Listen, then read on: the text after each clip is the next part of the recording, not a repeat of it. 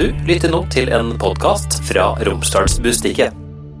Hør på henne presenteres av DNB, din økonomiske rådgiver fra A til Å.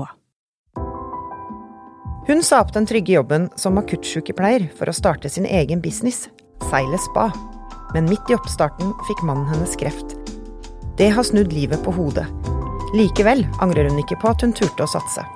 Denne episoden er spilt inn live i Bjørnsonhuset. Siren Søyland, velkommen til Hør på henne. Tusen takk, Vera. Det var kjekt å være her. Hvordan går det?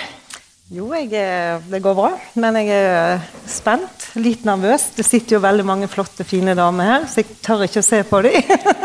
Da kan du se denne veien, deg. så skal nok vi klare å lose deg trygt i havn. Ja. Denne episoden er jo litt spesiell. Vi er live fra Bjørnsonhuset og DNBs Hun investerer. Så vi har med oss et nydelig publikum, og jeg hadde litt lyst til å høre litt fra det publikummet. Er dere her?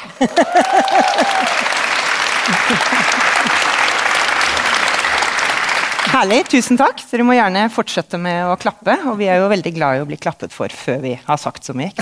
Veldig god start. Apropos eh, investering, hvordan står det til med deg på investeringsfronten, Siren? ja. Eh, Jeg, var, jeg har jo vært med på Hun investerer eh, helt siden de starta i Molde. Så vi starta opp og spara i fond og sånne ting. Det var den seriøse delen.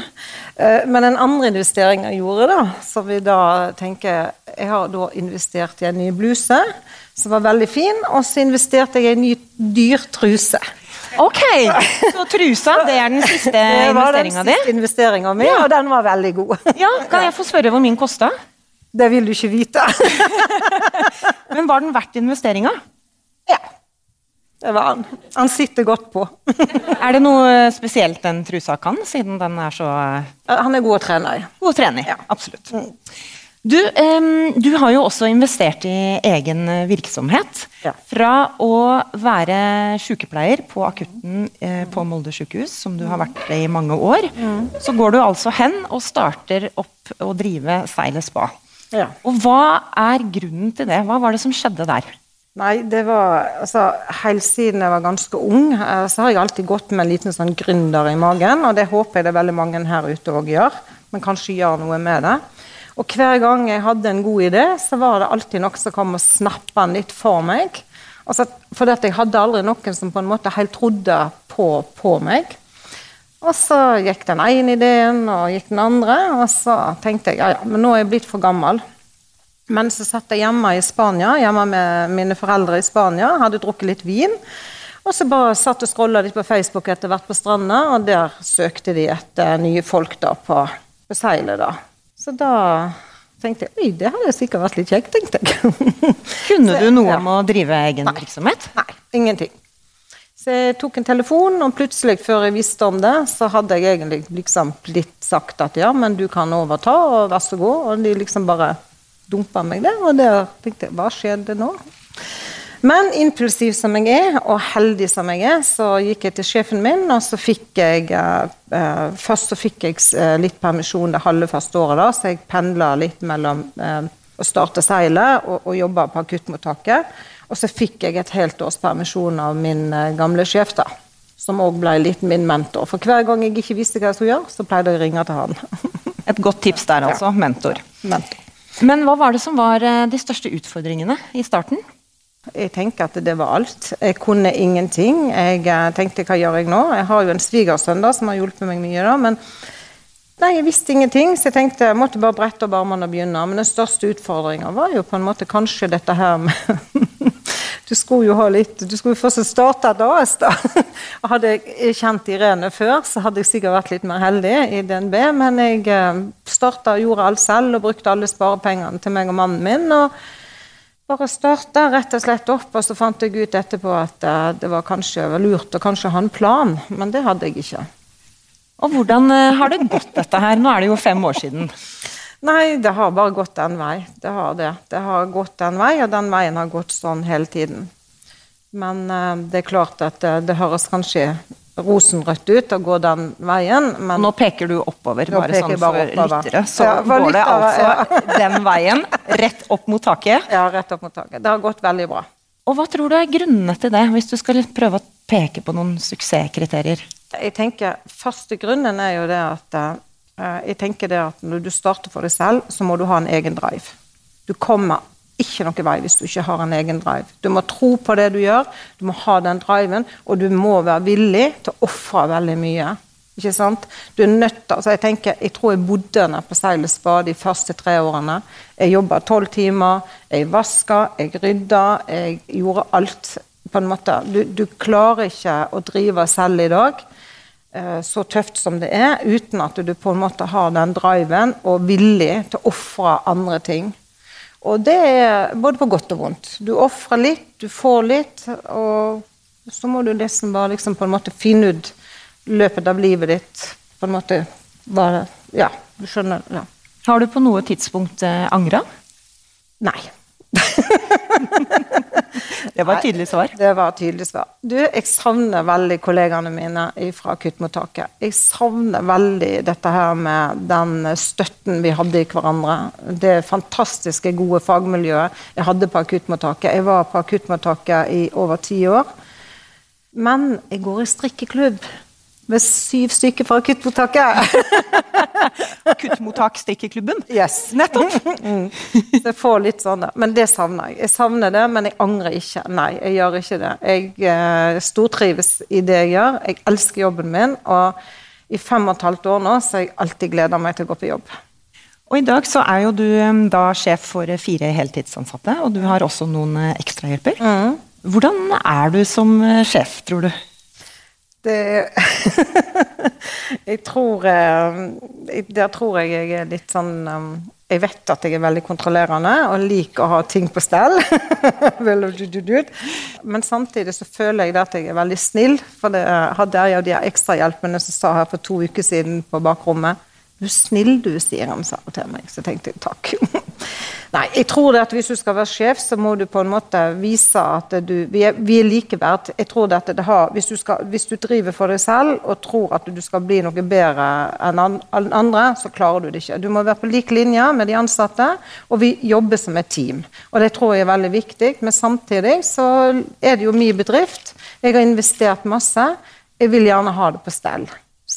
Litt sånn litt kontrollerende der, men samtidig så tror jeg at jeg er, jeg er veldig med. Jeg tar gjerne og vasker toalettet, Hvis du skjønner. Det gjør meg ingenting, og det gjør jeg ofte. Og jeg trodde det var litt sånn glamorøst å jobbe på spa, ja. men eh, det er det ikke, altså? Nei, det er det ikke. Det er mye bak den Det er jo veldig fint oppe på seilespa, men du vet at når folk dusjer og sånne ting, så er det jo noe som å vaske en sluk. Og det er du? Det er sykepleieren, ja. Uh, nei da, så det er glamorøst, det. Men det som er positivt, da, det er jo det at vi treffer jo forferdelig masse flotte kunder, da. Det, det gir meg veldig mye. Vi har alt ifra Eh, helt ned til 13-14-årsalderen opp til nesten 90 år. Og vi har menn, vi har kvinner, vi har alt, ikke sant. Og noen trenger hjelp til det, og noen trenger hjelp til det. Så jeg føler meg veldig privilegert over alle de flotte kundene som jeg har og jeg kan prate med, og jeg elsker å prate. Og nå er det, nå er det dyrtid. Altså, ja. Eh, lommebøkene våre har jo rett og slett blitt litt smalere. Ja. Merker du det? Nei. Ikke så veldig mye, nei. Jeg må innrømme det. Så vi, vi unner oss på en måte fortsatt luksus, da. Og hvorfor gjør vi det? Nei, det vet jeg ikke. Altså, jeg tenker liksom um, å, å, gå på seilspa er ikke bare luksus. Vi har jo òg en luksus der at dere, de folk kan komme inn og, og, og, betale seg inn og være inne, inne i spadelen. Uh, men uh, samtidig så gjør vi jo veldig mye behandlinger som på en måte hjelper folk. da, og det tror jeg er viktig for veldig mange, da. Så jeg tror på en måte at uh, derfor. Jeg vet ikke. Men jeg merker ikke så veldig nedgang. Nei, jeg gjør ikke det. Og hvilke behandlinger er det som er mest populære hos dere? Eh, jeg tror nok det at sånn, Hvis du ser vekk fra mitt kompetanse nå, hvis du ser på de ansatte, så tror jeg at de ansatte har mest av massasje. Men av min på en måte, så tenker jeg at det er veldig mye hud. altså dermapen, kjemisk peelinger og den type, og laserbehandlinger, som på en måte er mitt spesialfelt. da. Og du gjør jo også type Botox og fillersbehandlinger. Det gjør jeg også. Har du noen betenkeligheter med å gjøre det? Ja, det har vi jo alle. Jeg tenker sånn hver dag jeg går hjem fra min klinikk, så tenker jeg at jeg skal sove om natta. Og det har jeg tenkt å fortsette med. så jeg har avvist flere som er unge eller ikke trenger det, og sånne ting. Det gjør jeg. For dette, jeg tenker at jeg, jeg er såpass voksen at jeg tør å si beklager, men dette vil jeg ikke gjøre. Hva slags type avvisning kan det være? skulle jeg til å si? Altså... Det går mest for filler. da. Det er jo det som er Filler og Botox er to vidt forskjellige ting. Det er litt vanskelig å forklare det til folk akkurat her og nå, da. men Botox er én ting, og filleren er én ting. da. Men um, det er for det meste filler jeg avviser. Og Hva er det som er grunnen til at uh, folk ønsker sånne behandlinger? Noen er unge og blir påvirka av hverandre. ikke sant? Så har du de som på en måte har lyst til å fikse litt grann, bare for å fikse litt. Grann. Og så har du den typen som er godt, godt voksne, som på en måte syns det er vanskelig å kanskje bli 80 år og lyst til å se litt fresh ut. Kanskje lyst til å se litt yngre ut enn akkurat 80 år. da. Og Hvor vanlig vil du si den type behandling har blitt? I Molde, så tror ikke jeg det er så vanlig som det kan skje nede på Østlandet eller nede i Oslo. Da. Jeg tror liksom mer at hvis du bor på en måte litt sånn Oslo, Bergen, disse store byene, er det litt mer, da. Men det er litt mindre skala i Molde. Og det er ikke, det er ikke så mye på en måte som folk tror det er, da. Og hva med spa? Altså, er det sånn nå at vi fortsatt ønsker hamambad og isdusj og massasje? Ja, gjør vi ikke det? ja. Det ja. I dag hadde jeg to flotte unge damer. og De hadde kommet og fikk behandling, og så var de i spaet, og så sa de det. Og så hadde vi tenkt å avslutte med å spise litt mat, og så komme og høre på henne på slutten. Eller gå på dette arrangementet, men de, det var utsolgt. da. Men jeg tror det er liksom mange som på en måte tenker at det er litt koselig. Venninne, mor, datter eller sånne ting. Og så ta en liten tur innom spaet. og bare, bare for å på en måte være der. Du trenger ikke å ta ei dyr behandling for å gå i spaet. Du betaler 300-400 kroner med badekåpe og litt sånne ting, og kommer inn på det flotte spaet vi har. De kan være der hele dagen om det så vil, men altså, du får jo den der lille Svev deg vekk litt. Grann. Og når du jobber lange dager og gjør behandlinger og trekker hår opp av sluken, hva er det som er drivkraften din? Bare, jeg bare syns det er så kjekt. jeg vet ikke hva jeg skal si. Det er bare drivkraft. Jeg, syns bare det er veldig kjekt å være på jobb. Jeg syns det er så mange kjekke folk. Jeg bare koser meg. Jeg bare syns det er kjekt. Jeg vet ikke hvordan jeg skal forklare det. Hei, jeg heter Kine og jobber på næringslivsavdelinga i DNB Molde. Vi har hjulpet mange bedrifter å lykkes. Uansett hvor du er på din gründerreise, gir vi deg verdifulle råd på veien. Vi i DNB Molde vil være tilgjengelig for det når du har behov for økonomiske råd fra A til Å. Gå inn på dnb.no for å avtale et rådgivningsmøte med oss. Du er jo da altså utdanna intensivsykepleier. Hva var det som gjorde at du valgte sykepleien i utgangspunktet? Lang historie, veldig kort. Jeg, jeg, er jo ikke fra Molde, så jeg flytta til Molde og hadde sekretærutdannelse. Men uh, så ble jeg på en måte dratt inn som litt vikar, og sånne ting, og da var jeg ikke sykepleier. Så tenkte jeg at jeg kan godt jobbe på vikar på Da jobba jeg på Rødbekk sykehjem. Og så tenkte jeg hm, jeg kan jo ikke bare gå her, tenkte jeg. Jeg må få meg en utdannelse. Så tok jeg sykepleien i ganske voksen alder, for jeg hadde ikke artiumfager. Jeg er så gammel jeg at jeg sier artiumfager, men Men jeg tok eh, tre og et halvt år, så gikk jeg på kveldsskole på Molde gymnas i lag med flere andre på min alder. Og så gikk vi der tirsdag- og torsdagskveldene i tre og et halvt år. Så fikk jeg artium, og så søkte sykepleien, og så Det er aldri for seint, tenker jeg. Det er aldri for seint, nei. Men um, når du da altså, slutter i sykepleieryrket, mm. er det noe du på en måte Du sa litt om det i stad. Du savner kollegene dine. Mm. Er det andre ting du savner fra hverdagen på akutten? Jeg likte jo veldig godt å jobbe på akuttmottaket. Det var en fantastisk arbeidsplass. Og jeg, jeg savna jo på en måte kollegaer, leger, alt. Altså dette her samarbeidet og dette her kjapp, kjapp, kjapp. ikke sant? Og det, når det skjedde noe, da var det kjekt å jobbe på akuttmottaket. Det syns jeg. Så jeg savner jo litt det, men samtidig så valgte jeg å gå vekk ifra det Og jeg er litt sånn at en kan ikke holde Hvis du, du må se en vei, og det er framover Du kan ikke hele veien sitte og se bakover. For jeg valgte å, å forlate det trygge.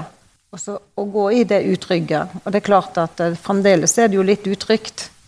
Det eneste jeg angrer på, da, hvis du spør om det, det var det jeg ønska jeg gjorde for ti år siden. jeg er jo litt uh, voksen nå, da. Tjener du bedre i dag enn du gjorde som sykepleier? Nei, jeg gjør ikke det. Er det verdt det, tenker du? Økonomisk, tenker du? Eller tenker På du alle måter, måter, egentlig. Ja, jeg syns det er verdt det. Jeg syns det. Du nevnte jo i stad at du ikke kommer fra Molde opprinnelig, og dialekta di tilsier jo også noe annet. Hvor er du fra? Flekkefjord. Og hva brakte deg til Molde i utgangspunktet? Nei, den gangen var det far til mine to, to voksne barn. Som jeg nå ikke er gift med, men er gift med en annen mann. Og hva, hva er det ved Molde som gjør at du fortsatt er her, mange år etterpå? Det er nok fjord og fjell. Det er en fantastisk by. Det må jeg bare si. Det er fantastisk her oppe, selv om ikke været alltid like bra. da, Men du har disse fantastiske fjellene, og så har du disse fantastiske sjøen. Altså, jeg syns bare naturmessig Møre og Romsdal er helt nydelig. Jeg kunne aldri på en måte flytta nedover igjen. Tenker du at du har blitt litt romsdaling? Jeg er romsdaling. Jeg har til og med kjøpt, jeg har til og med kjøpt VI-bunad. Nettopp. Ja, for Har du også begynt å si ohoi? Jeg tror det er sånn viktig sånn eh, tegn på at du har blitt litt sånn eh, assimilert til befolkningen her. Ja, da, jeg føler meg som en romsdaling. Jeg må bare innrømme det. Og så treffer jo du på et tidspunkt eh, han som du er gift med nå. Hvordan eh, skjedde det? Var det Tinder eller nettdating, eller? Eh, jeg er så gammel jeg, at jeg vet ikke hva Tinder er. Nei, nei, vi treftes mellom felles kjente. Og så fant vi ut at vi hadde veldig mye felles interesse, og så gikk det, gikk det som det gikk. Og hva var det du falt for ved han? Han heter for øvrig Levi, da. Det, det er klart. Hva skal jeg si det? Det var vel egentlig kjærligheten første blikk, da. Det var det. Jeg ble sveipa av banen, og jeg så inn i øynene på han, og så tenkte jeg jøss. Der var du. Der var du. Og han tok meg eh, med storm, og det gjør han ennå etter tolv år, så jeg er fremdeles veldig forelska i min mann. Woo! Ah, så- Tårer er for øvrig helt innafor. Dere har jo levd med en litt spesiell livssituasjon de siste årene, for eh, Levi har eh, kreft. Ja. Hvordan preger det livet deres? Det, det preger oss, fordi at jeg startet jo Seile Spa i 18, den uh, sommeren 18. Og Levi jobba i Nordsjøen og hadde fri fire uker. og var liksom at vi, skulle være med og hjelpe og sånne ting. Og vi satte jo i gang og gjorde det. Og um, Unnskyld. Og så i sommeren, på bursdagen til dattera mi, da, 25-årsdagen hennes, så fikk vi beskjeden da at han hadde non-Hodkins lymfom, som er en eh, litt sånn spesiell med folkihjerte, som er litt sånn spesiell, da. Som du aldri blir kvitt. Så det er klart det at eh, det var et sjokk. Det forandra på en måte liksom alt. Jeg sto på en måte med et nyoppstarta firma. Vi hadde investert veldig mye penger. Jeg hadde sagt opp, eh, da hadde jeg sagt opp eh, jobben. og Eh, Levi måtte gå gjennom eh, tøffe tak med den sterkeste cellegiften, den sterkeste strålinga. Han for til Trondheim alene fordi at jeg drev selskap og litt sånne ting. da, så men eh, per dag i dag så lever vi med krefter. Vi lever med at han har fatigue, litt, litt sånn problemer med forskjellige ting, da. Men når du ser mannen min, så ser du bare en kjekk, flott mann. Men, eh, men vi Det forandra litt på alt. da, Så plutselig på en måte så var det jo en periode at jeg måtte gjøre veldig mye selv. da, Så det ble, ble tøft. Tenker du at det er et sånt før og etter? Etter Ja. den diagnosen? Mm, det tror jeg som alle. Alle som, eh, som Nå snakker jeg også som fagperson. Alle som går gjennom en kreftdiagnose, vil oppleve før og etter tid. Stort sett. Det er veldig sjeldent at det ikke blir det. Nå er det jo mange vanskelige ting som følger med en kreftdiagnose. Men har dere lært noe av det også? Mm, du lærer av det. En eh, lærer kanskje på en måte Du får jo en liten sånn en vekker, da, på en måte. For du tror jo på en måte at når du holder på, at du er på en måte Ingenting skjer meg. Jeg bare klatrer videre, jeg jobber, du gønner på. Liv, ikke sant? Livet går kjapp, kjapp, kjapp hele tida. Jeg er veldig kjapp, kjapp, kjapp. Men, men plutselig så stopper liksom bare verden opp. Liksom, hva skjedde nå? Hva skjedde med livet vårt nå? Og så er det sånn OK, må ta, du må på en måte lære deg å sette, ned, sette deg ned litt. Grann, altså tenke over livet, og tenke at vi har bare ett liv. Vi, du må respektere det, og du må på en måte sette pris på det. Så jeg tror det at eh, du lærer deg å sette mer pris på de små tinga som du kanskje ikke gjorde før. da. Det er sånn som jeg føler det, eller vi føler det. på en måte. Bare sånne småting at det, det er ikke en selvfølge i dag at det, du, at en lever og er oppe og går, hvis du skjønner. Vi lever. Vi lever. Mm.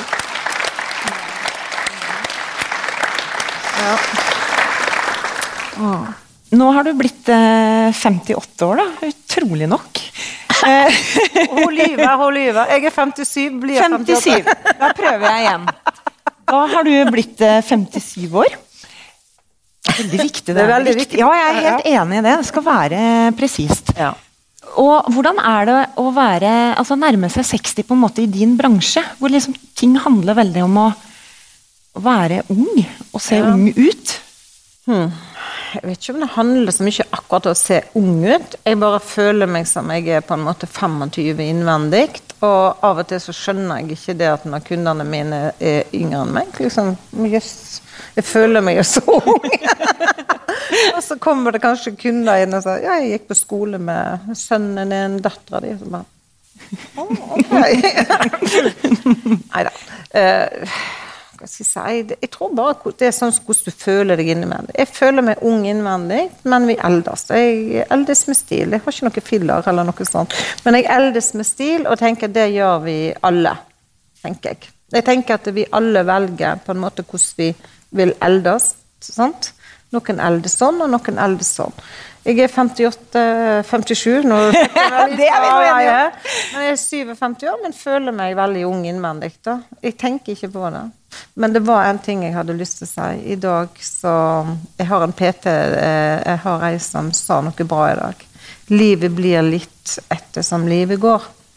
Og det var hun PT-treneren min sa til meg i dag morges når jeg sa jeg gruer meg sånn til i dag. Så snakka vi litt, så sa men livet blir litt etter som du går. Og det syns jeg var veldig bra sagt. Og hun sitter her i salen i dag. Så det tenker jeg det var Og det var, det var Jeg tenker det var kloke ord av ei så, så ung, flott jente, da. Hvordan ser du for deg framtida til uh, Seilet Spa? Jeg håper jo at jeg har kapasitet til å jobbe mange år til. Det gjør jeg jo. Men uh, jeg tar en dag om gangen, og så ser vi. Hva har livet lært deg? Har du noe råd som du vil gi videre til andre? Livet mitt har lært meg at uh, det er på en måte å være ydmyk overfor andre. Og være, ha respekt for andre. Og og det, det, er ei trøst med når du blir 57 år, at du blir mer trygg på deg selv. Det har livet lært meg. At jeg har blitt mye tryggere jo eh, eldre jeg blir. Og jeg tror bare at du skal karpe det igjen, tenker jeg. Leve livet. Det, det er det som jeg har lært, på en måte. Hvilken kvinne ser du opp til? Det sitter jo en hel haug her, da.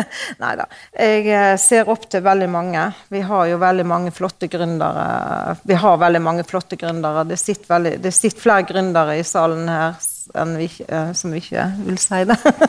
Eh, men den jeg ser opp til, da, for det er spørsmålet visste jeg ville komme, så det har jeg faktisk tenkt litt på. Jeg ser opp til min bestemor. Min bestemor heter Emilia, og det heter dattera mi òg, som er her. Hun er oppkalt etter sin bestemor. Min bestemor hun reiste til Tyskland i 1920 og tok farmasøytutdannelse. Jeg tenker det var, Nå når jeg er voksen, når jeg tenker over det, at det var veldig fantastisk gjort. Og når min bestefar fridde til min bestemor, så sa hun det. Jeg vil ikke gifte meg med deg før du har tatt meg på Romsdalshorn. Du store. Helt til topps? Helt til topps. Så bestefar tok med bestemor opp til Romsdalshorn, og da gifta hun seg. Fantastisk.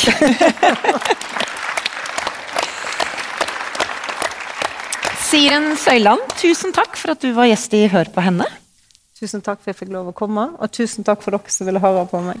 Tusen takk til vårt publikum. Jeg skulle egentlig ha med en liten eh, presang til deg. Den ligger igjen i bilen.